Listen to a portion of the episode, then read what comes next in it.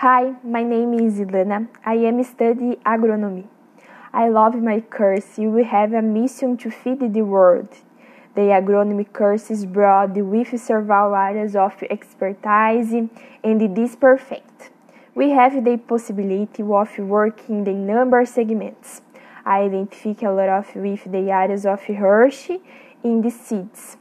I have done work with soy, corn, and water seeds. Is an increasingly grow, growing area involving field, greenhouses, and laboratory.